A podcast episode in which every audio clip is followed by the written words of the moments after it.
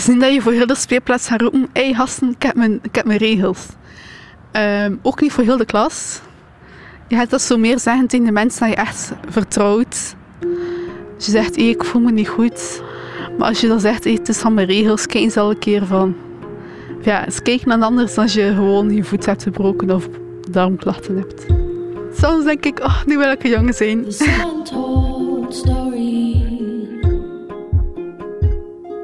These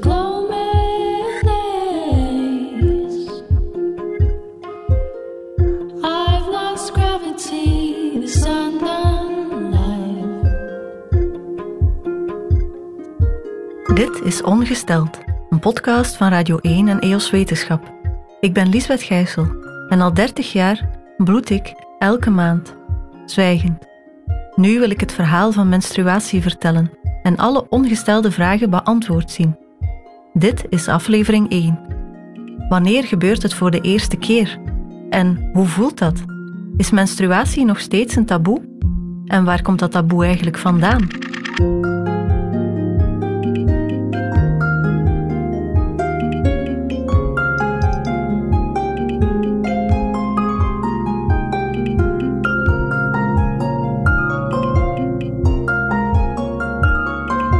Ik was twaalf.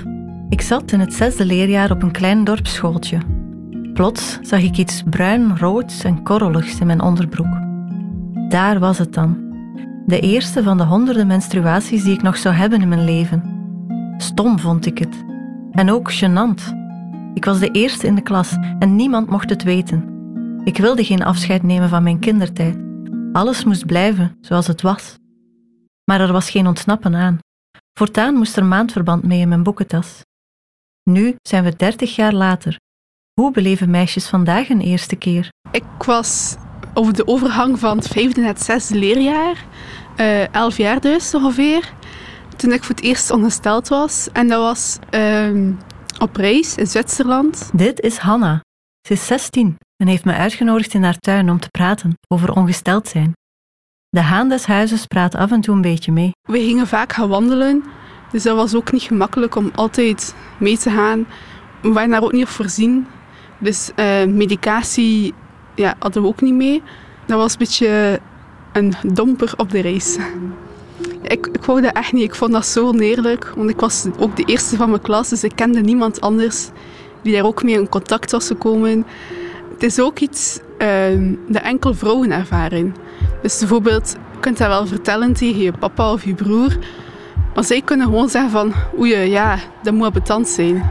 En ook, het is altijd zo van persoon tot persoon. De ene persoon heeft bijna geen last, de andere persoon moet superveel pillen nemen om dat tegen te gaan.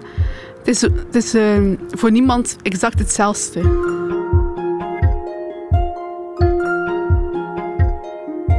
Het is zo'n beetje ergens een gemene rechter of die zegt van hé, jij hebt veel last, jij minder last, jij begint vroeg, jij begint laat.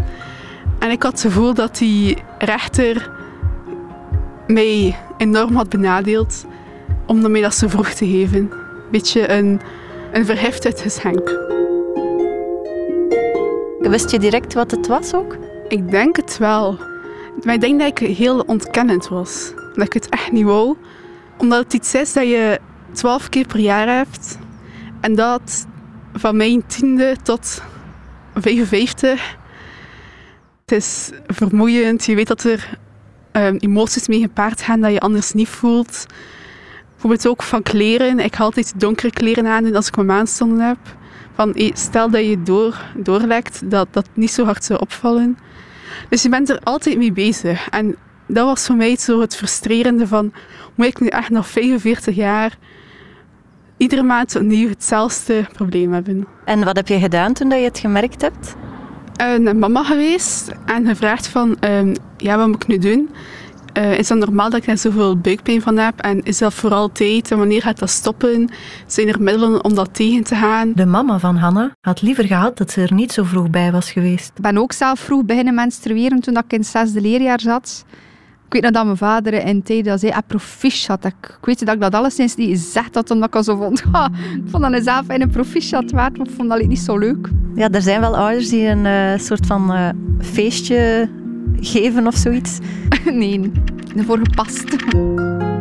Ja, ik denk dat je misschien inderdaad vroeg begint te menstrueren als je 11 of 12 bent. En een zwangerschap heb je meestal misschien de gemiddelde leeftijd 25. Dan heb je eigenlijk 13 tot 14 jaar dat je menstrueert, waarvan je de meerwaarde niet snapt. Waarom doe ik dat hier nu? En als je tegen een 11-jarige vertelt of een 12-jarige, het is omdat je later kinderen zal kunnen krijgen, hebben ze daar geen boodschap aan.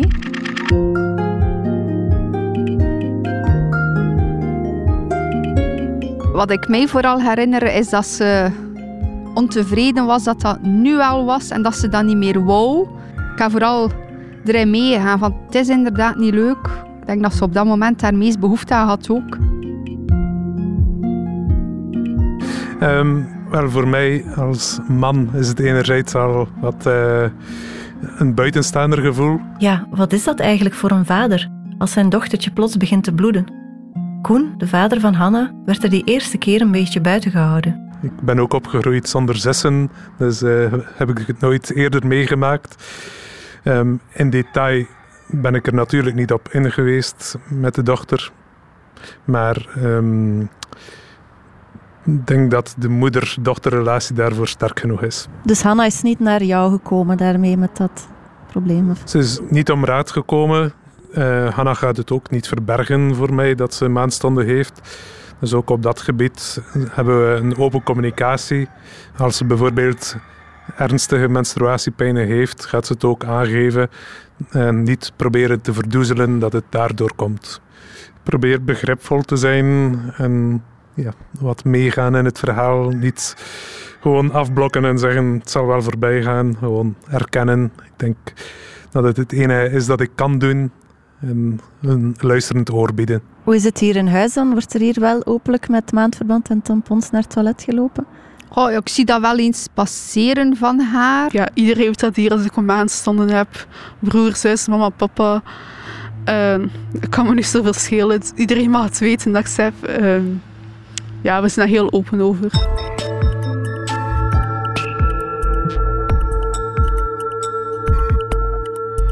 Een taboe is menstruatie dus niet bij Hanna thuis. Dat was het wel bij Katera. Zij is nu 25, maar herinnert zich nog goed haar eerste keer. Ik ontmoet haar in een park. Hey, hallo.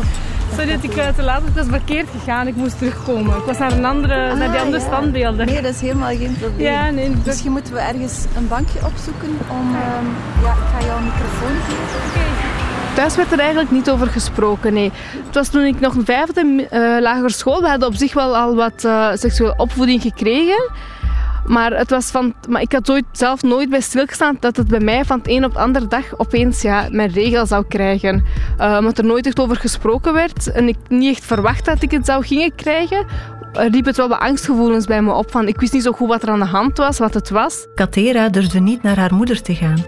Ze was bang voor haar reactie en voelde ergens al aan dat menstruatie een taboe was. Het gezin komt uit Afghanistan en haar ouders hadden op school nooit voorlichting gekregen. Op dat punt uh, kon ik dan niet naar haar gaan, dus bij mij dan ook wat schaamte was. Uh, in het begin wat angst, omdat ik niet wist wat het was. Dan dacht ik van ja, straks wordt mijn mama boos van oei, uh, ik heb misschien iets mispeuterd. Ik heb het nooit officieel gezegd tegen haar, ik heb mijn regels. Gelukkig kon ze wel bij een van haar zussen terecht. Maar er openlijk over praten, nee, dat werd niet gedaan. En thuis werd er nooit zichtbaar met maandverband rondgelopen. We toonden het niet. Het was nooit besproken geweest. Maar ik denk omdat gezegd dat mijn zussen het niet lieten zien, dan ging ik ook gewoon vanuit van ah ja, ik moet het wat verstoppen. Uh, niemand mag het weten dat ik hier ongesteld ben. En Katera's zus durfde niets te zeggen als ze af en toe eerder van school naar huis kwam. Ze durfde niet tegen mijn vader te zeggen van waarom dat ze eerder naar huis kwam. Dan zei ze van ja, ik heb hoofdpijn of ik had buikpijn. Dat is de reden dat ik uh, eerder door mocht gaan. Dus het werd wel niet gezegd van ik heb mijn regels waardoor ik pijn heb en hierdoor kom ik naar huis. Terwijl ik denk dat ze dat echt wel openlijk tegen mijn vader had kunnen zeggen.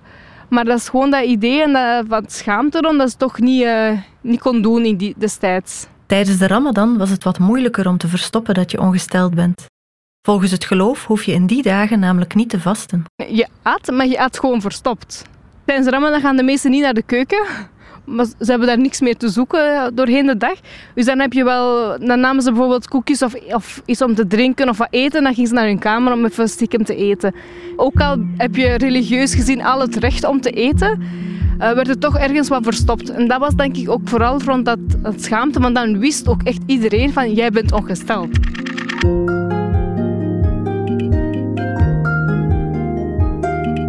Maar ook in de Vlaamse cultuur is menstruatie nog wel een taboe. Bij mij op school vroeger werd het woord menstruatie bijvoorbeeld nooit gebruikt. Onder de vriendinnen hadden wij het 25 jaar geleden over de rode jeugd. Maar ook de term mijn brol was in omloop. Een raar woord als ik er nu over nadenk. Dat ik sindsdien trouwens nooit meer gehoord heb. Hoe zou het er tegenwoordig aan toe gaan op school? Het is niet dat je voor heel de speelplaats gaat roepen: hé hey, ik heb mijn, ik heb mijn regels. Ehm, ook niet voor heel de klas. Je hebt dat zo meer zeggen tegen de mensen dat je echt vertrouwt.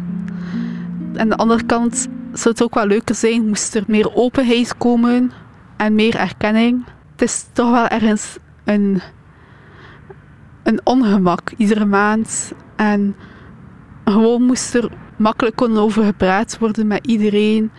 Niet alleen met vrienden, maar ook gewoon mensen die je, niet direct kent. Of als je zegt, ik voel me niet goed. Uh, als je bijvoorbeeld zegt, ik heb buikpijn uh, van, mijn, van mijn darmen of zo, is dat heel normaal. Maar als je dan zegt, hey, het is van mijn regels, kijk eens al een keer van... Ja, eens kijken naar anders als je gewoon je voet hebt gebroken of darmklachten hebt. Ja, ik zal zelf op het werk meestal ook niet zeggen dat ik me niet goed voel, omdat ik mijn maandstonden heb. En ik denk na over de kleren die ik aandoe als het weer die tijd van de maand is. Een broek met zakken bijvoorbeeld, zodat ik een tampon kan wegmoffelen. En waarom ritselen die dingen toch ook altijd zo?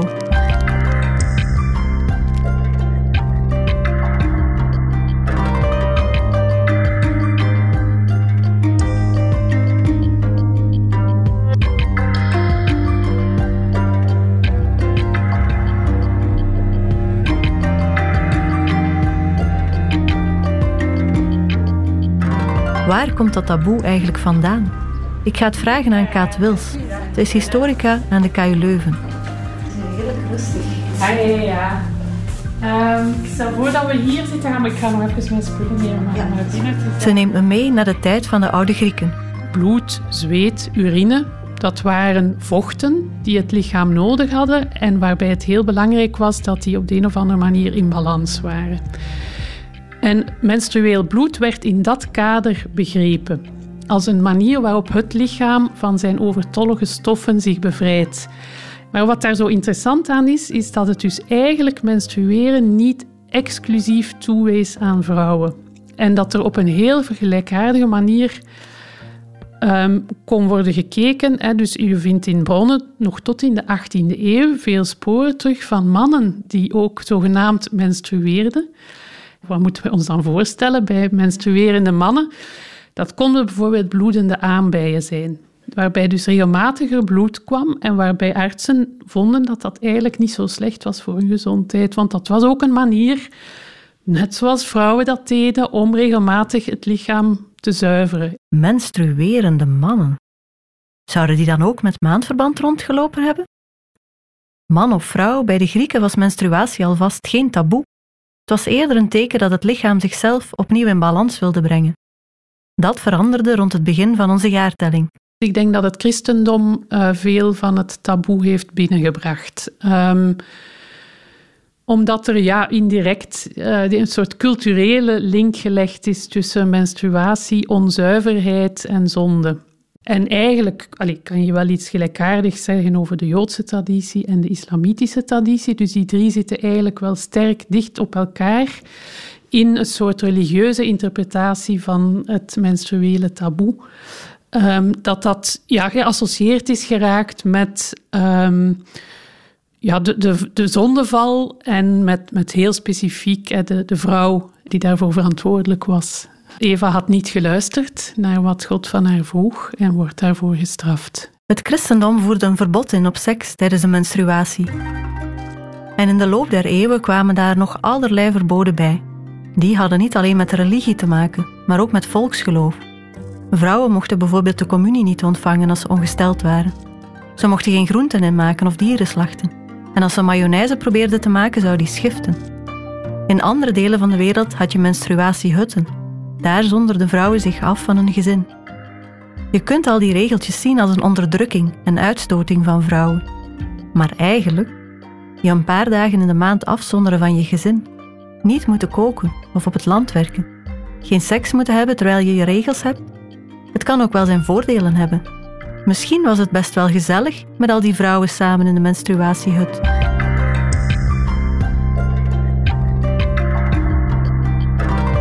Kaat Wils brengt me naar de 19e eeuw. Vanaf dan werd de menstruatie bewust ingezet om vrouwen af te schilderen als het zwakke geslacht. Om ze allerlei dingen te ontzeggen die mannen wel mochten. Dat gaat echt heel ver. Hè? Dus als je 19e-eeuwse medische tijdschriften leest, lijkt het soms af of het enige definiërende van een vrouw de menstruatie is. En vooral ook heel veel ziekten, klachten, chronische klachten van vrouwen werden aan die menstruatie gekoppeld. En dus ook eigenlijk aan het vrouw zijn. Hoe meer menstruatieproblemen met ziekte in verband worden gebracht, hoe meer argumenten mensen hebben die niet graag willen dat vrouwen aan de universiteit gaan studeren, die niet graag willen dat vrouwen aan politiek doen, hoe meer argumenten zij hebben om te zeggen: ja, maar nee, je mag dat niet doen, dat is heel gevaarlijk. Als je gaat studeren aan de universiteit, ga je menstruatieproblemen krijgen en je gaat gek worden. En je gaat ongezonde kinderen krijgen. Onze de natie gaat teloor gaan. Omdat werken of studeren een negatieve invloed heeft op die menstruatiecyclus? Ja, omdat dat te zwaar is, fysiek te uitputtend. Men associeerde het hebben van die cyclus bij vrouwen met allerlei problemen. Dus fysieke zwakte, maar ook irrationaliteit, ehm, ja, onbetrouwbaarheid, een eh, gebrek aan stabiliteit. Um, ja, je zou maar eens moeten googlen, hè, uh, menstruation, folie of zo, of maladie nerveuse. Je zal direct, allez, als je bijvoorbeeld in een bibliotheekcatalogus of zo, van, je komt direct op tientallen 19e-eeuwse publicaties van artsen die het hadden over de vele gevaren ook die verbonden waren met menstruatie. Studeren of hard werken. Het was slecht voor vrouwen. Je zou er alleen maar gezondheidsproblemen door krijgen dan vergaten ze wel voor het gemak dat de vrouwen in de lagere klassen wel degelijk werkten. Op het veld, in huis of in de fabrieken. En toen kwam de 20ste eeuw. Er was een feministische beweging die opkwam. En Europa kampte met dalende geboortecijfers. Er was behoefte aan het beeld dat vrouwen wel sterk zijn. Je zou kunnen zeggen, ah, dat is positief. De vrouw werd als, als sterk en krachtiger gezien. Maar tegelijkertijd, er is ook nog altijd een zeker menstrueel taboe, dat, dat zeker niet prettig is. En er is ook een soort opnieuw heel normatief denken gekomen, namelijk de dwang van de discretie. Nu, sinds de vroege 20e eeuw, moeten vrouwen eigenlijk doen alsof ze niet menstrueren.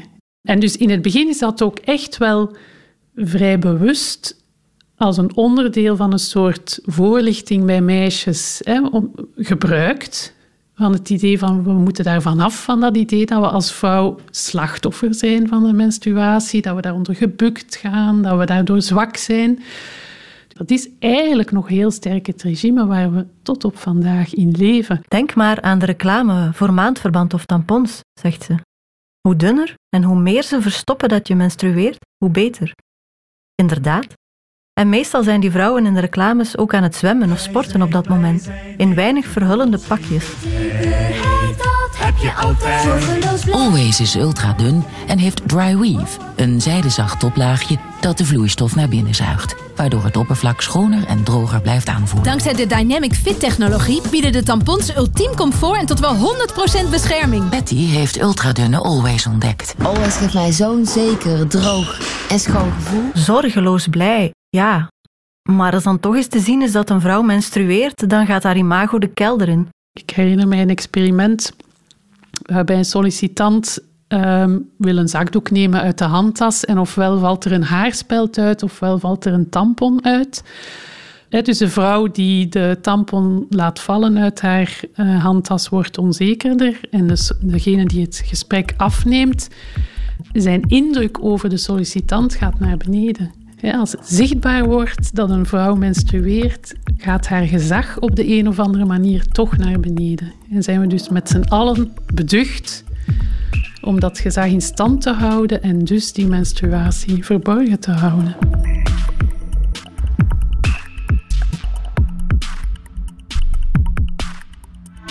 Dus dat is de achterliggende reden waarom we allemaal zo graag verzwijgen dat we ongesteld zijn. Dat we maandverband en tampons liever meesmokkelen naar de wc in plaats van ze openlijk in de hand te nemen. En dat we ons schamen om iemand om een tampon te vragen als we die zijn vergeten. Ik heb zelf wel eens aan een onbekende vrouw moeten vragen of ze me kon helpen. En toegegeven, dat deed ik half fluisterend. Sindsdien zit er in elke tas, in elke jas, in elke binnenzak wel een tampon. Maar voor sommige vrouwen gaat het niet om vergeten. Ze hebben het geld niet om maandverband te kopen. Eén op de acht meisjes en jonge vrouwen in Vlaanderen heeft dat wel eens voor. Eén op de acht. Dat zijn drie meisjes per klas op de middelbare school. Ja, soms heb ik uh, um, toiletpapier gebruikt uh, of keukenrol. Um, ja, je, je kan moeilijk gewoon met je regels uh, helemaal door, door, door, doorweekt, doorweekt rond gaan lopen. maar het is niet zo'n een prettig gevoel. Dee twijfelde een beetje.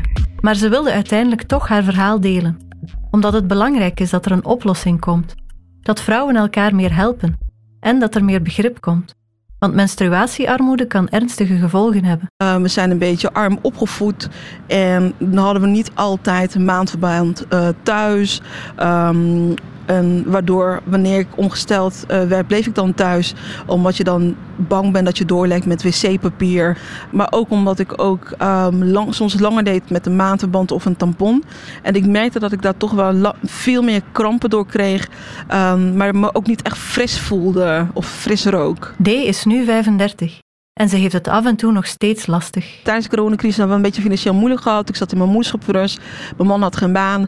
En het was best wel heel moeilijk. En ik heb toen wel een oproep gedaan voor, voor luiers en, en, en wat eten.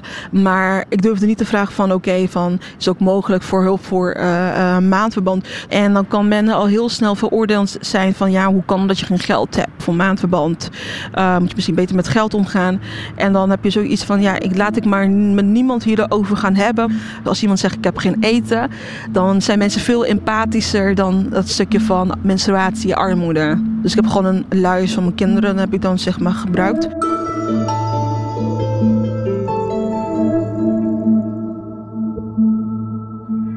Maar voor mij is het belangrijk dat vooral vrouwen onderling wat zachter en liever naar elkaar gaan worden. Hoe en waar kan ik iemand helpen die ook in een situatie zit um, met menstruatiearmoede? En kunnen we misschien een stichting opzetten of kunnen we misschien uh, op mijn werkplek uh, iets bijdragen dat vrouwen die daarmee te maken hebben um, zich veilig genoeg voelen om die stap te nemen van hey goh, ik heb nu even mijn regels, ik had het niet voorzien dat ik uh, een bij me heb, um, kan ik dat in de EHBO-ruimte uit de doos gaan pakken.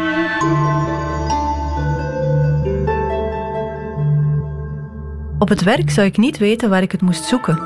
Maar op school ligt er meestal wel een pakje maandverband in het secretariaat. Maar durf je dat daar wel te gaan vragen? Zelf zou ik me daar ongelooflijk voor hebben geschaamd. Hanna moet er ook niet aan denken dat ze dat zou doen. Dus dat is wel, wel gênant, omdat het nog altijd een beetje taboe is om dat daar te gaan vragen voor uh, nog tien andere man. Ik heb er ook nog nooit echt bij stilgestaan dat, dat je dat eventueel zou kunnen halen. Dat iets is dat echt zowel niemand doet. Dat je gewoon altijd uh, ook rekenen op je vrienden. Of ja, meestal toch. Dat is niet direct iets dat ik zou doen. Ook D wist niet dat ze op school om maandverband kon vragen. Pas na enkele jaren vond ze een leerkracht die ze in vertrouwen nam en die haar verder hielp. Later kreeg ze wel eens maandverband bij de voedselbank. Het probleem krijgt nu gelukkig meer aandacht. Er zijn bijvoorbeeld automaten met gratis maandverband en tampons geïnstalleerd in middelbare scholen in Gent en Antwerpen. Maar wat met de lagere scholen? Vandaag komt de eerste menstruatie voor de meeste meisjes als ze 12 of 13 zijn, maar ook 10 jaar is niet uitzonderlijk. Dat is een pak vroeger dan 200 jaar geleden, toen de gemiddelde leeftijd op 15 à 16 lag. Ik zat zelf nog niet in de middelbare school toen ik voor het eerst ongesteld werd. Dat was ook zo bij Hanna, Katera en D. Hanna kreeg haar maandstonden op het einde van het vijfde leerjaar. Ze was niet goed voorbereid, vindt ze. Pas in de tweede helft van het zesde leerjaar kreeg ze lessen seksuele opvoeding. En dus ook informatie over menstruatie. Toen waren al maar drie of vier ongesteld. Dus ik vond eigenlijk wel veel te laat. Had je het gevoel dat je er al genoeg over wist toen je de eerste keer ongesteld werd? Nee, uh, de eerste keer dat ik ongesteld was, heb ik eigenlijk een bom aan informatie over mij gekregen. Daarvoor wist ik eigenlijk niet zoveel af. Ik wist wel, er is een moment dat een meisje begint te bloeden, maar daar stopte het ook. Het zijn nog vaak grote vraagtekens als je in het lager zit. Um, we moeten dat zo vaak een beetje zelf uitvissen. Ik vind het vreemd. Het moment waarop meisjes voorgelicht worden is nog altijd hetzelfde als toen ik in de lagere school zat. Voor veel meisjes komt dat dus te laat. Gelukkig gebeurt het wel al op een andere manier. Ik moest het dertig jaar geleden doen met zwart-wit schooltelevisie, waarbij een grijze man met pak en das vertelt wat er gebeurt met jonge meisjes. Wanneer een meisje voor het eerst zo'n maandelijkse bloeding krijgt, dan kan ze wel erg raar opkijken of zelfs gaan schrikken wanneer ze dat bloed uit de geslachtspleet ziet verschijnen. Het is het teken van de grote gebeurtenis. Het vertelt haar eigenlijk dat zij van meisje, dat zij van kind, volwassen vrouw is geworden. Op andere scholen kwam meneer Pastoor langs om voorlichting te geven. Of iemand anders die met de katholieke kerk verbonden was. Kaat Wils herinnert zich nog levendig hoe dat ging. Wanneer zat ik in de middelbare school? Vroege jaren tachtig. Wij kregen een zuster die speciaal naar de klas kwam, die we voor de rest niet kenden of, of er was geen lerares, maar die kwam alleen voor de voorlichting. Het idee natuurlijk dat de controle dan in een katholieke school op dat thema toch graag gehouden werd. Um, door de kerk zelf of door een representant van de kerk, namelijk een zuster. Die zuster vertelde niet alleen wat menstruatie was, maar ook dat de meisjes flink moesten zijn en er maar beter over zwegen. Geen zuster of pastoor voor Amerikaanse kinderen. Die konden een Disney-film kijken.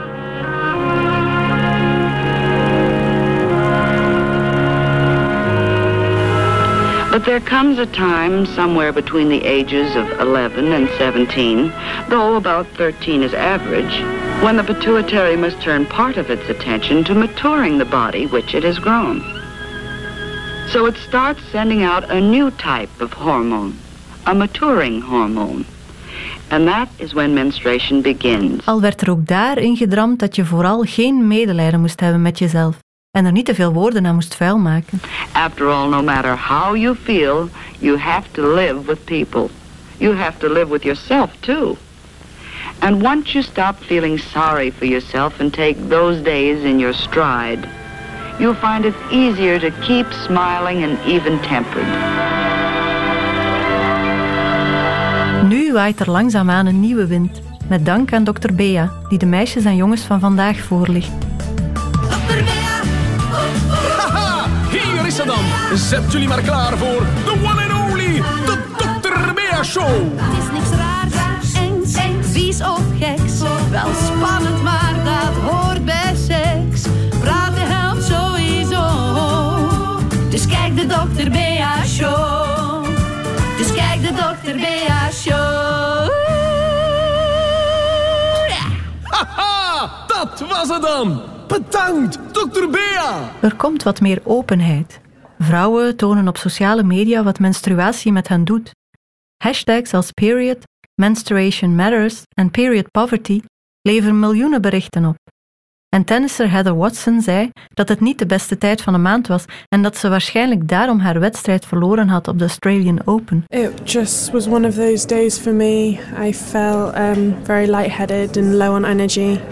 You know, it's a shame that it's today. With the way I was feeling, um, you know, it didn't do me any favours today. Do you think playing a full week last week was a factor at all today? I don't think so. I um, the last couple of days I felt fine. I think it's just one of these things that I have. Uh, girl things and it just yeah happens. Er is sinds kort een emoji voor menstruatie, een bloeddruppel. Libresse toonde een paar jaar geleden de eerste reclame voor menstruatieproducten met rode in plaats van blauwe vloeistof. Er is een theatervoorstelling gemaakt rond menstruatierituelen en kunstenaars werken met menstruatiebloed. Ook Atera voelt meer openheid. Haar twaalfjarige nichtjes worden wel voorgelegd door hun moeders.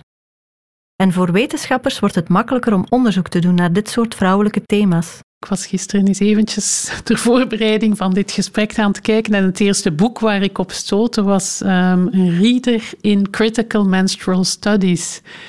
Ja, dat is wel een teken van onze tijd, dat er zoiets bestaat als Critical Menstrual Studies. Uh, een boek van duizend bladzijden eigenlijk, met allerlei kritische benaderingen van de beleving van menstruatie, de verbeeldingen van de, hè, rond reclame, de rol van godsdienst. Um, ja, het translichaam en menstruatie, allerlei thema's waar ja, 30, 40 jaar geleden mensen zelfs niet zouden begrepen hebben waarover het ging. Ja, merk je dat er toch wel een, een, een openheid is om bijvoorbeeld dat taboe te doorbreken, om ja, vaste categorieën over mannelijkheid, vrouwelijkheid, de rol van het lichaam. Uh, ongelijkheid te bevragen en om dat ook zichtbaar te durven maken.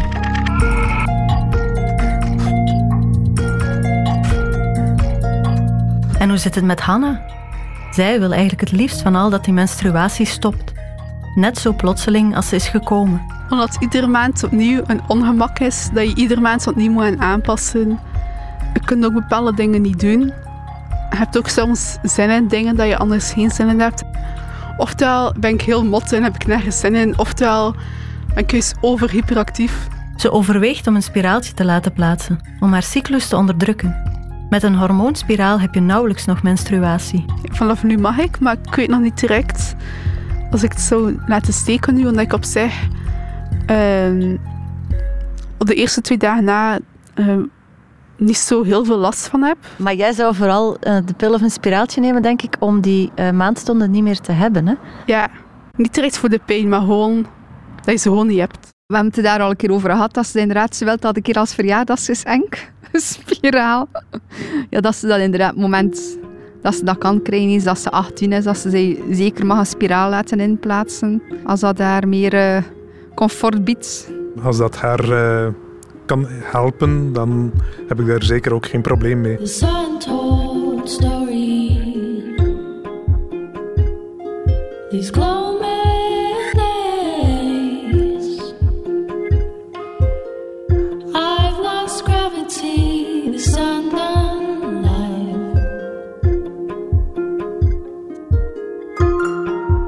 Spiraaltje, de pil.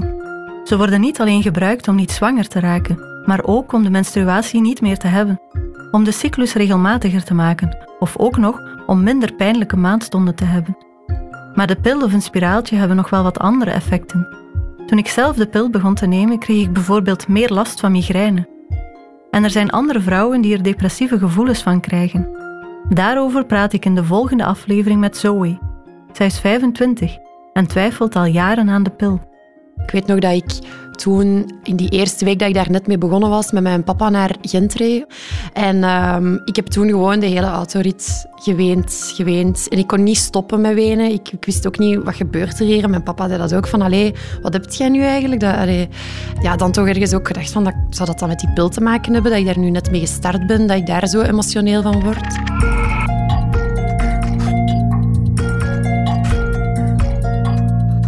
Dit was Ongesteld, een podcast van Radio 1 en EOS Wetenschap. Met mezelf, Lisbeth Gijssel. En met veel dank aan Wart Bogaert en Hendrik de Smet, die me hebben begeleid in alles wat ik deed. De muziek komt van Ansatz der Machine. Wouter Schuddink deed de montage. Het artwork is van Anne Manteleers. Heel veel dank ook aan alle vrouwen die hun verhaal met mij wilden delen. Heb je veel gehad aan deze podcast? Deel hem dan of schrijf een review, dan kunnen anderen hem sneller terugvinden. Wil je nog meer weten? Kijk dan op de website www.eoswetenschap.eu ongesteld. En ga zeker ook eens kijken in de app van Radio 1. Daar vind je nog meer boeiende podcasts.